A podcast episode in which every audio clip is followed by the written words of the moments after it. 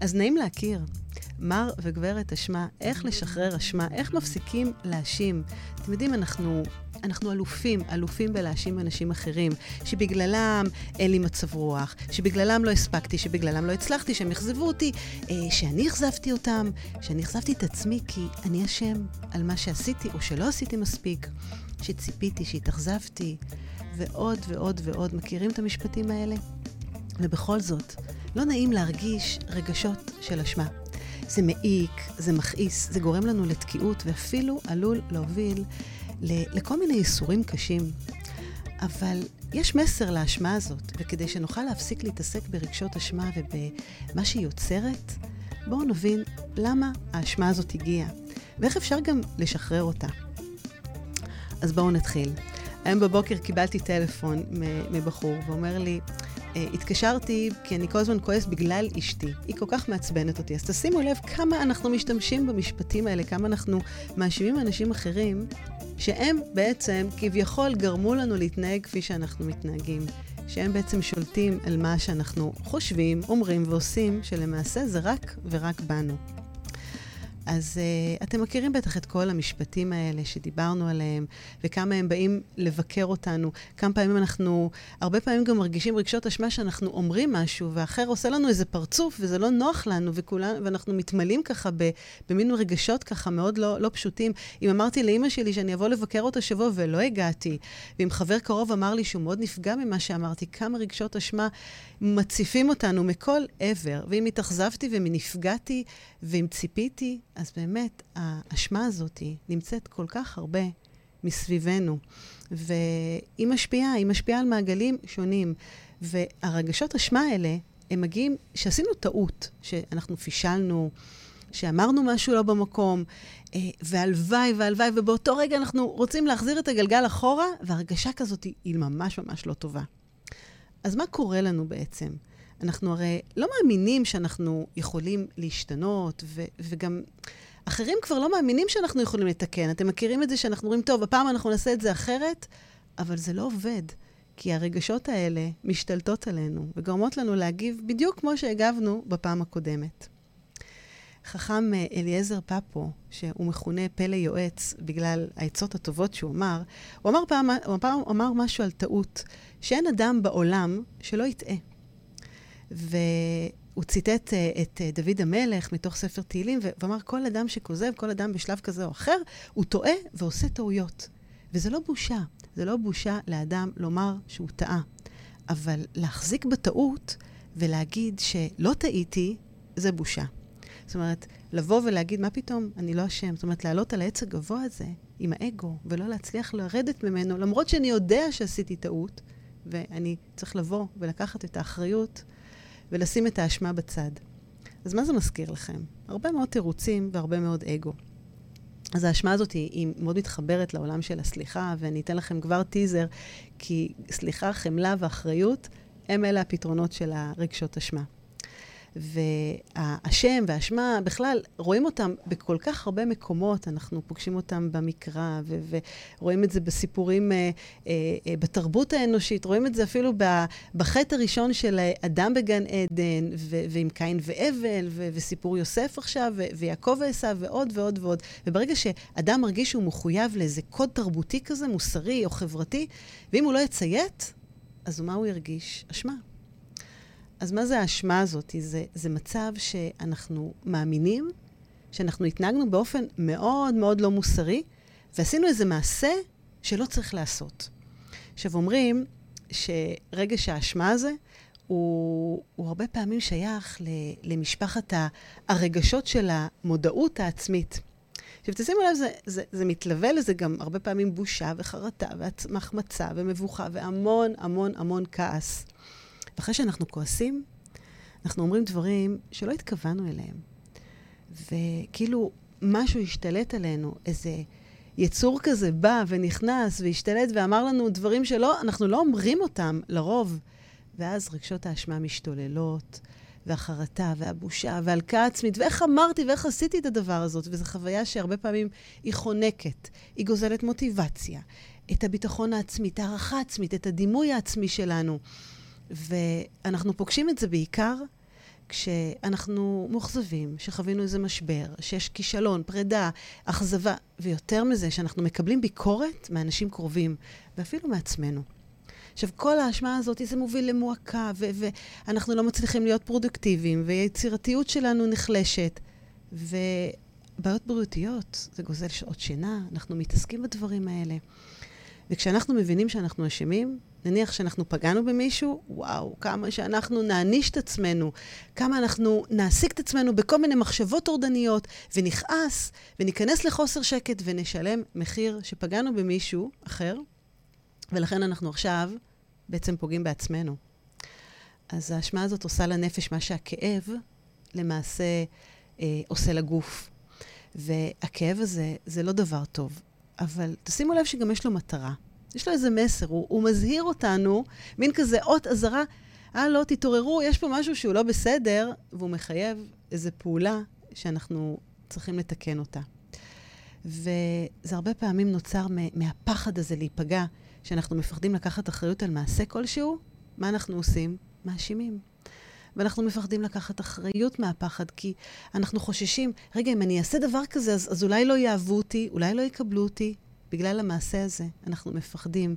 ויש כל מיני קודים שאומרים לנו מה לעשות ומה לא לעשות. אז זה לא בסדר. ופה באמת זה תוקע אותנו, זה משפיע עלינו, זה גוזל לנו אנרגיה, וזה עושה לנו דברים שהם פחות נעימים. אז איך האשמה הזאת עובדת? אשמה נכנסת לפעולה, שימו לב, כאשר המוח שלנו מתחיל להרגיש איום. וכשאנחנו חווים איזה אירוע, רגש או חוויה שגורמת לתת-מודע שלנו בעצם uh, להרגיש מאוים, או אפילו uh, חוסר אונים כזה, או חוסר צדק, האשמה הזאת עולה. ובמקום להרגיש את החוסר אונים ואת הפחד הזה ולראות שהם לא תמיד נכונים, הרבה פעמים הם אשליה. הרבה פעמים התת-מודע שלנו משתמש באיזה היגיון, בהגנה כזאת, ומשליך את האחריות למעשה שגרם לנו להרגיש את החוסר אונים על משהו. עכשיו, אם אני לוקחת איזה דוגמה, אז תחשבו, תדמיינו רגע שני אנשים הולכים לבית קפה, ויש להם, אה, הם נפגשו כדי לעשות חזרה מאוד מאוד חשובה לקראת, אה, לקראת פגישה משמעותית אה, עם, עם לקוח פוטנציאלי שבאמת יכול להרים את החברה ו- ולתת לה הכנסות ו- ולהפוך אותה למצליחנית יותר, והם נפגשו ככה ממש שעה לפני כדי לעשות את החזרה הגנרלית, ופתאום אחד מהם שופך בטעות את הקפה על בגדי השני. עכשיו, זה שנשפך עליו הקפה ישר מתעצבן ומאשים וכועס ומתחשבן ואומר לו דברים שגם לא קשורים בכלל ל, ל, לעניין הזה של הקפה, או בכלל לסיטואציה עצמה. ואומר לו כמה ידיים שמאליות, והוא זוכר שפתאום פעם הוא עשה לו ככה וככה, והוא פזיז, והוא לא מסתכל, וזה נראה גם בעבודה ובפרויקט הזה. ו... קחו את הדברים האלה גם למערכות יחסים שלנו. כמה פעמים אנחנו מתווכחים והוויכוח הופך לריב, ואז אנחנו מתחילים להתחשבן והכל עולה, והטון שלנו גבוה הרבה הרבה יותר. והצד השני, ברגע שהוא שומע את זה, הוא לא נשאר פראייר. הוא מגן על עצמו. אתם זוכרים, ההגנה הכי טובה, ברגע שמתקיפים אותנו, אנחנו מתקיפים בחזרה. אני לא רוצה להישאר פראייר, אני מחזירה באותו מטבע. ואז מה קורה פה? זה שנשפך עליו הקפה, הוא התעצבן שהחולצה התלכלכה. הוא הרגיש חוסר אונים. כי זה פשוט קרה, הוא לא שלט באירוע. והמציאות הזאת שהחולצה התלכלכה, נקודה. אי אפשר להחזיר את זה אחורה. אבל החוסר אונים הזה מאוד מאיים עליו, ובמקום להביע כעס כזה ניטרלי, מה הוא עושה? הוא מאשים. הוא מאשים את החבר, שהוא לא בסדר. ולכן גם הוא צועק עליו. וזה ששפך את הקפה, הוא הרגיש אשם, הוא הרגיש לא נוח, לא נעים לי. אנחנו לפני פגישה, מה עכשיו תעשה? אין לך חולצה להחלפה. אבל הרגש הזה של הפגיעות, הוא גרם בעצם להרגיש חוסר אונים, וזה כל כך מאיים עליו, אז הוא צועק, הוא צועק חזרה, וזה מאשים. ואיזה לופ זה, זה פשוט כדור שלג שרץ ורץ ורץ, ואנחנו מאשימים, וההיגיון של שניהם אומר להם להתקיף, כי, כי זה מה שהגוף עושה במצב של פחד וחוסר אונים. אתם יודעים, זה, זה או שאנחנו מתקיפים, או שאנחנו קופאים, או שאנחנו בורחים. ואז אנחנו באמת יכולים להמשיך להתקיף אחד את השני הרבה הרבה זמן, וזה גם יכול להגיע להתפרצויות זעם, וזה יכול להגיע לאלימות מילולית ואלימות פיזית, והעיקר לא להרגיש חוסר אונים. תחשבו איזה מצב משמעותי זה, כמה שזה תופס אותנו, כמה כאילו, כאילו מישהו השתלט עלינו, נכנס לנו לגוף ועשה שם משהו, ועשה כזה בלאגן, ולא מאפשר לנו להסתכל על המציאות קצת בצורה אחרת. והשלב הראשון, קודם כל לקבל אותה, להבין, רגע, זה קרה, החולצה התלכלכה, הקפה נשפך, מה אני עושה עם זה? ואת הכעס, לצמצם את העוצמות שלו, להבין שהבן אדם לא עשה לנו את זה דווקא. זה שאני מאשים אותו, אני יכול להאשים אותו, אבל הוא לא עשה לנו דווקא, והרגשות אשמה האלה רק הם באמת כדור שלג שהולך והולך והולך. יש, יש הרבה מאוד סוגים של אשמה. ולמעשה אני בחרתי להתמקד בשניים שהכי הכי שכיחים, ואני בטוחה שכולכם מכירים אותם. אחד, זה אשמה שמתנגשת עם הערכים שלנו. זאת אומרת, אני פגעתי במישהו אחר. גם אם זה לא היה בכוונה. השפלתי, העלבתי, צעקתי, אם זה יכול להיות בן זוג שלי, זה יכול להיות הילד שלי, ויש מקרים הרבה הרבה יותר פוגעניים, שלפעמים מאמתים אותנו מול היצר שלנו. ואז ככה מתעוררת שאלה כזאת, האם יצר האדם הוא רע מנעוריו? ואם חטאנו ופגענו, מה עלינו לעשות? ובמקום הזה, יש פה מסר. יש פה מסר שאנחנו צריכים להבין שחצינו קו אדום. ולקחת על זה אחריות, כי האשמה פה אוכלת בקרבנו, וזו רק ההתחלה. כי אם אנחנו לא נעצור אותה, היא תהפוך לייסורים קשים. ופה זה המקום באמת לדעת איך אנחנו, קודם כל, מבינים שיש פה מסר, חצינו פה קו אדום, מה קרה כאן? למה זה הביל אותי לאן שזה הוביל אותי? לקחת את האחריות, להביע חרטה, ולתקן ולשפר, כדי לא לחזור שוב פעם על המעשה. וברגע שאנחנו מבינים את המסר הזה, אנחנו גם יכולים לשאול את עצמנו, איך אני מוודא שההתנהגות הזאת לא תחזור שוב? מה אני צריך לעשות אחרת? אם פגעתי במישהו אחר, איך אני יכול לפצות אותו על הפגיעה? איך אני יכול לנהל את הרגשות שלי? איך אני יכול להשפיע על זה? ודיברתי על נושא, הנושאים האלה באמת בתוכניות אחרות, אבל לקחת אחריות, הדבר הראשון שאתם מרגישים אשמה, זה לעבור לתנועה. תנועה עוזרת לשחרר אשמה. היא עוזרת לאפשר לנו לחזור לאיזון. אמ, זה לא משנה מה תעשו. אבל תבינו שההלקאה העצמית הזאת היא תוקעת, היא גורמת לנו לעמוד במקום. כי, כי האשמה הזאת היא, היא, היא אפילו יכולה להוביל למשהו שאני מאשים את עצמי, ואז אני גם לא אנסה שום דבר יותר מאוחר. זה אשמה עצמית, זה הלקאה עצמית, קרה משהו, זה בגללי. אני הפסדתי, אני אמרתי, אני לא השתלטתי, אני גרמתי למשבר הזה בזוגיות, אני מרחיק את הילדים ממני, אני אשם. עכשיו, כשאנחנו אומרים אני אשם, זה אומר שאנחנו אומרים לעצמנו, אני מקולקל, אני אדם לא, לא נכון, אני לא טוב. ויש אנשים שבאופן תדיר מסתובבים עם הרגשות אשמה האלה ועם התחושה הזאת שהם לא בסדר, והם לא עושים מספיק. והם אשמים בכל מה שקורה, הם לוקחים אחריות כביכול על כל מה שיש לנו מסביב. וזה תחושות שכל כך כל כך מתישות אותנו, וזוללות כל כך הרבה אנרגיה. תחשבו כמה כעסים הדברים האלה, הם בעצם אה, אה, לא מאפשרים לנו לראות שום דבר מעבר. זה כמו דף כזה שיש לו נקודה שחורה, אנחנו רואים רק את הנקודה השחורה.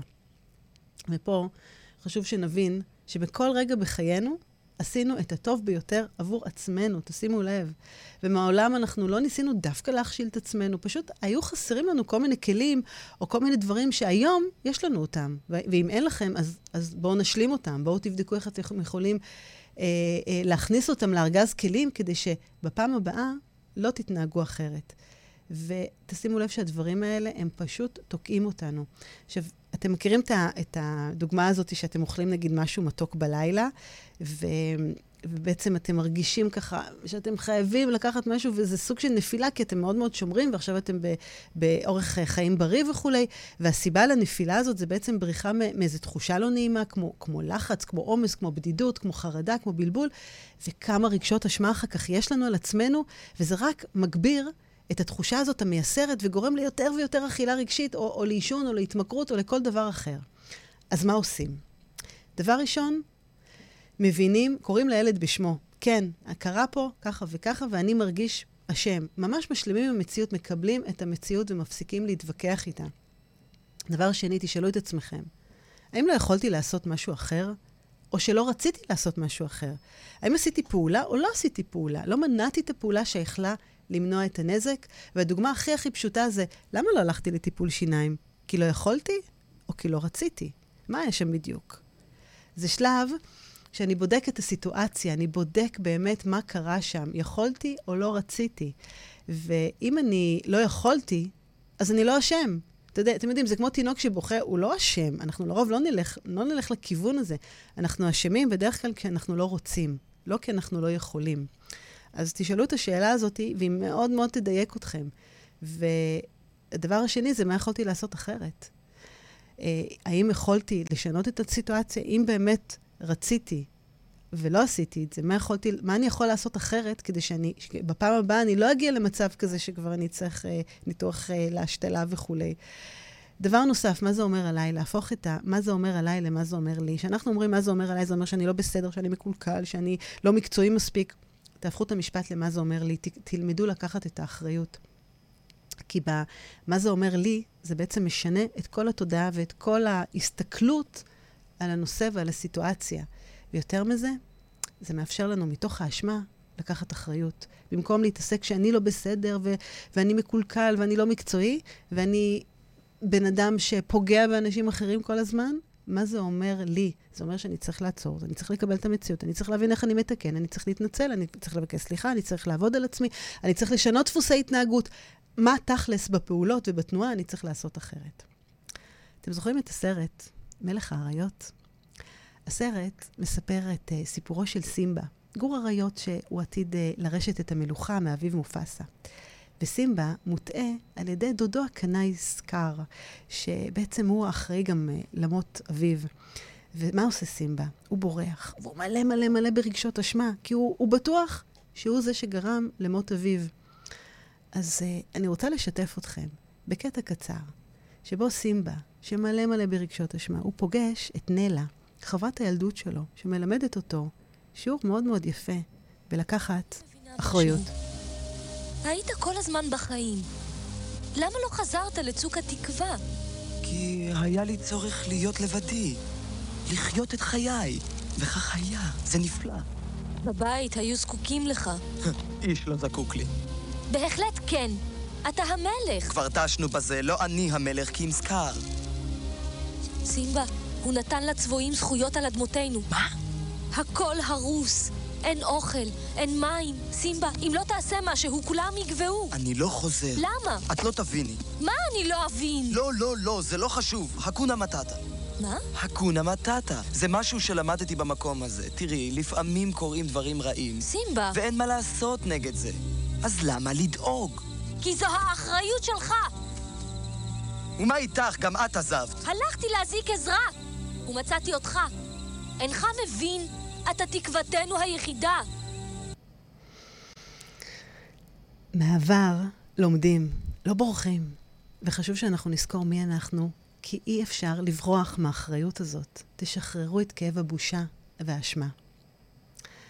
והמפתח להתמודד עם אשמה היא בעצם לעשות לה טרנספורמציה, להפוך את האשמה לאחריות. עכשיו תשימו לב, אשמה היא מוציאה אותנו מאיזון, אחריות מחזירה אותנו. איך? בעזרת יציקת משמעות ובעזרת תנועה. וזו הבחירה שלנו, האם אנחנו ממשיכים להתמודד עם העבר ועם האשמה. עכשיו שימו לב גם לאותיות של המילה אשמה. אמש, אמש לוקח אותנו אחורה. או אפילו, אנחנו הרבה פעמים, במילה אשמה יש גם מסע. כמה אנחנו סוחבים על עצמנו משקולות מהעבר, וזה כל כך מכביד עלינו, ו- ו- וזולל לנו כל כך הרבה אנרגיה שאנחנו לא מצליחים לראות מעבר. ובאחריות יש את המילה אחרית, שלמעשה מאפשרת לנו להסתכל קדימה, ולקחת את כל מה שהיה עד עכשיו, לשים אותו בצד, בצידי הדרך, ולאפשר לנו להמשיך ולהמשיך בתנועה. והנה מיטל כותבת, מדהים שהאשמה יכולה לתקוע אותנו שנים רבות במקום, או בעצם בעבר. והרבה פעמים אנחנו בעצם חיים בעבר, חיים את כל הרגשות אשמה, את המרמור, את האכזבות, את הצער, את הכאב, את הדמעות שמכבידות עלינו. והם מעיקים על כל uh, פסיעה ופסיעה שאנחנו עוברים, ו- ו- ואנחנו סוחבים שק שמלא באבנים. איזה אבנים? סלעים על הגב, שחלקם, דרך אגב, גם לא קשורים לחיים שלנו, ואנחנו לא מוכנים לשחרר אותנו, וזה גורם, זה יכול חלילה לגרום למחלות, לסבל ולבדידות. אז זה באמת הנושא של האשמה והאחריות.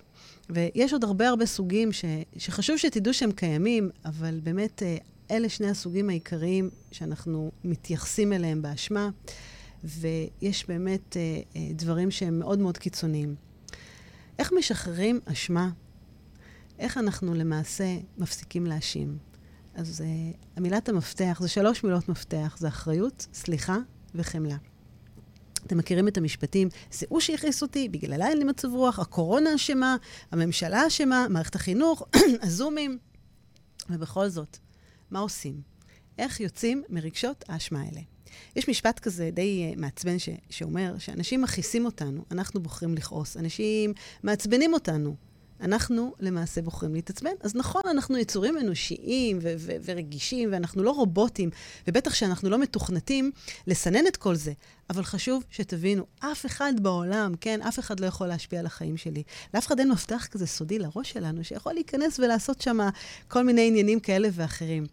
וכשאנחנו לא לוקחים אחריות על החיים שלנו ואנחנו מאשימים, אז בעצם אנחנו מאשימים את כולם, כל מי שמסביבנו, ובעיקר, בעיקר את עצמנו. ואנחנו אשמים שאנחנו לא מצליחים בעבודה, שאין לנו כסף, שאין לנו פרנסה, שאנחנו עצלנים, שאנחנו לא מצליחים לקום בבוקר. אמ, אנחנו מאשימים את ההורים שלנו בבעיות שלנו, את החבר לשעבר. שעזב אותנו, את החברים שמעצבנים ופוגעים בנו, אה, את כולם שמענישים אותנו, את המזל שלא משחק לנו. ואשמה היא דבר שקיים בכל מקום ובכל אחד ואחד מאיתנו, הוא קיים בחיים שלנו, והוא יוצר הרבה פעמים כעסים. אם אנחנו מאשימים מישהו, אז אנחנו גם כועסים עליו. ומאחורי כל כעס ואשמה, בעצם מסתתר כעס ואשמה על עצמנו. והאדם שאנחנו הכי הכי כועסים עליו, זה המורה הכי גדול שלנו, כי ממנו אנחנו יכולים ללמוד הכי הכי הרבה על עצמנו. אז היא מוציאה אותנו מאיזון, מאחריות, היא מחזירה אותנו בעזרת יציקת משמעות ותנועה. וברגע שלא תהיה בנו אשמה, אנחנו נהיה בשלמות עם עצמנו ונקבל את עצמנו לגמרי. אז מה הדרך לשחרר אשמה וכעס? כן, זה לסלוח. אתם יודעים, אנחנו הרבה פעמים אה, נושאים בתוכנו כל מיני רגשות אשמה כאלה ואחרים, וכדי לשחרר, אנחנו מתחילים בעצם לסלוח לכל מי שאנחנו מאשימים, וקודם כל לעצמנו. עכשיו, תשימו לב כמה יש כוח אדיר, ואני מניחה שמי שמקשיב לי יודע כמה הסליחה הזאת עוצמתית, ושאנחנו סולחים. אנחנו מחזירים את האנרגיה שלנו לעצמנו, אנחנו מרפאים. אז איך משחררים למעשה את האשמה? כמעט כל, בכל תהליך של שינוי, השלב הראשון זה קודם כל להכיר שיש פה משהו שעומד מולנו וחוסם אותנו, והמודעות הזאת היא יותר מזה, זה לקבל את המציאות. עכשיו, יש מקרים קיצוניים שממלאים אותנו ברגשות אשמה ובחרטה ובכולי, וזה בהחלט, בהחלט לא פשוט. וכשאנחנו מזהים את הרגשות האשמה האלה, אנחנו מאפשרים לעצמנו להתחיל בתהליך של שינוי. אז קודם כל, תקראו לילד בשמו, תקבלו את המציאות, תבינו את החלל הזה שנוצר. דבר שני, אשמה היא רגש מאוד מאוד שמוריד אותנו, מעכב אותנו, והוא די נוקשה. תוסיפו לו קבלה וסלחנות, ותתבוננו בו בעין טובה. כן, תחפשו את הטוב במה שקרה. יש לו מסר, הוא רוצה להעביר לנו איזה, איזה משהו. תבינו, תבינו שעשינו את כל שביכולתנו. ותלמדו לקח. זאת אומרת, כן, תגידו, אוקיי, טעיתי, אני מבין שעשיתי כל מה שיכולתי באותו רגע, ותיקחו לק... ותלמדו לקח איך אנחנו לא נחזור על הטעות הזאת פעמיים. אני הרבה פעמים שאני שואלת אנשים, אתם סולחים לאדם שפעם הייתם ועשה ככה וככה? אז הם אומרים לי, בוודאי שכן. כי, כי פעם לא היה לנו את הכלים שיש לנו אותם היום. היום אנחנו הרבה יותר חכמים, אנחנו יותר בוגרים, אנחנו יודעים באמת איך להתמודד עם דברים. אז פעם לא היה לנו את הכלים האלה, עשינו כל שביכולתנו. אז לכן רגשות אשמה, לפחות תפחיתו את העוצמות שלהם. והדבר השלישי, כאשר אתם מנתבים את הרגשות האשמה למקום של לקיחת אחריות אישית, כן, לעשות את הטרנספורמציה הזאת, את החיפוש, את התיקון, אתם יכולים לאפשר לעצמכם להשתחרר מהם, ואפילו יותר מזה, לגדול מהם. עכשיו, היכולת הזאת לקחת אחריות, כאילו להגיד, אוקיי, אני אשם, אני מבין את זה, אני לוקח אחריות, אני מתקן, אני משפר, זה מחזק את האמון הפנימי שיש בנו, את הביטחון העצמי ואת ה, את האפשרות הזאת שאנחנו יכולים לגדול ולצמוח מתוך מה שקרה. תזכרו, האשמה הזאת מוציאה אותנו מאיזון, ואחריות מחזירה אותנו. איך? בעזרת יציקת משמעות ותנועה. ונקודה אחרונה ככה לסיום. לפעמים אנחנו מעריכים מישהו רק אחרי שאנחנו מאבדים אותו. עכשיו, שימו לב שלסלוח למי, ש...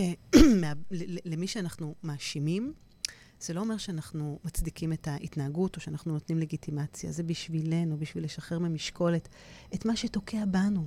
וכן, זה לקחת אחריות על החיים שלכם. וזה רק אתם יכולים לעשות את זה. עכשיו, אתם לא חייבים להישאר גם בקשר עם אותו בן אדם, וכאשר האשמה הזאת היא, היא מופנית כלפי אה, אנשים חיצוניים כמו ההורים שלנו, כמו בני הזוג, כמו אחים וכולי, תנסו קודם כל ללבן את הדברים יחד איתם. ושיחה טובה הרבה פעמים משחררת אשמה וכעס. אבל לפעמים אי אפשר, ולפעמים זה גם מגביר את הכעס, ולפעמים גם יש לנו כעס ו- ורגשות אשמה על אנשים שבכלל לא בחיים. אז במצבים כאלה, כדאי לכתוב מכתב. מכתב מאוד מאוד בריא, כדי לשחרר את הכאב וכדי להוציא את התסכול ואת הרגשות אשמה האלה. אז זו גם דרך. ובעיקר, בעיקר, כלפי עצמכם, שאתם מנסים, שאתם משתדלים לשחרר את האשמה הזאת, תגבירו את האהבה. תסתכלו על דברים, תוקירו תודה. תאירו בפנס גם על עצמכם וגם על אנשים אחרים את התכונות הטובות שלהם. וכדי להוציא את זה החוצה, אל תוותרו. תחזקו את הטוב בעצמכם. כי אני חושבת שחיים עם פחות רגשות אשמה זה חיים שמחים וחיים שלווים. ו, וזה חיים שכולנו ראויים, ראויים להם, אין סיבה שלא. והכוח הוא רק בידיים שלכם, אי אפשר להחזיר את הגלגל אחורה. אבל אפשר כן להחליט שמפרק, מעכשיו, מרגע זה, פרק האשמה שחוויתי, זה בעצם אה, סוג של מבוא לפרק חדש, לפרק של אחריות. פעם היה בכפר קטן, אה, גרו אחד ליד השני, אופה וחלבן. ובכל בוקר האופה היה מוכר לחלבן לחם, ובערב היה מוכר החלבן לאופה חמאה. ובאחד הימים שם לב האופה שהחלבן, הוא לא נותן לו קילו של חמאה, ובעצם מרמה אותו ונותן לו פחות. ויום אחרי יום הוא ככה שקל את הכמויות, והוא ראה שהוא תמיד פחות מהקילו. והוא מאוד מאוד התעצבן, האופה. הוא הלך עם החלבן להישפט אצל אה, דיין הכפר, והדיין הקשיב לאופה, ושטען שחברו מרבה אותו ונותן לו כמות מאוד מאוד פחותה של חמאה. והדיין ביקש מהחלבן להביא את מכשיר המדידה שלו, והחלבן הביא את מאזני המשקל. אה, והאופה העצבני הניח את החמאה שהוא מכר לו החלבן יום לפני, והדיין הניח משקולת של קילו אחד. והיה ממש נראה ככה בבירור שהכף של המשקולת כבדה יותר, ומשקל החמאה הוא בעצם פחות מקילו. ואז הוא אומר לו, אתה רואה? אתה ככה בצורה עצבנית אומר לאופה, אתה רואה? זה שוקל פחות מקילו, והוא מוכר לי את זה במחיר של קילו. והדיין הסתכל במאזניים וביקש מהחלבן, תראה לי בבקשה את המשקולת שאתה משתמש בה. ואז הוא אמר לו, אני לא משתמש במשקולת. אז מה אתה מניח על הכף השנייה? שאל הדיין. ואז החלבן הסתכל על החבר שלו ואמר, כדי לשקול מה זה קילו, אני שם במקום משקולת את קילו הלחם שמוכר לי חברי כל בוקר. אז תשימו לב כמה קל לנו להאשים את האחרים שהם רמאים, שהם לא בסדר, שהם עשו והם גזלו וזללו.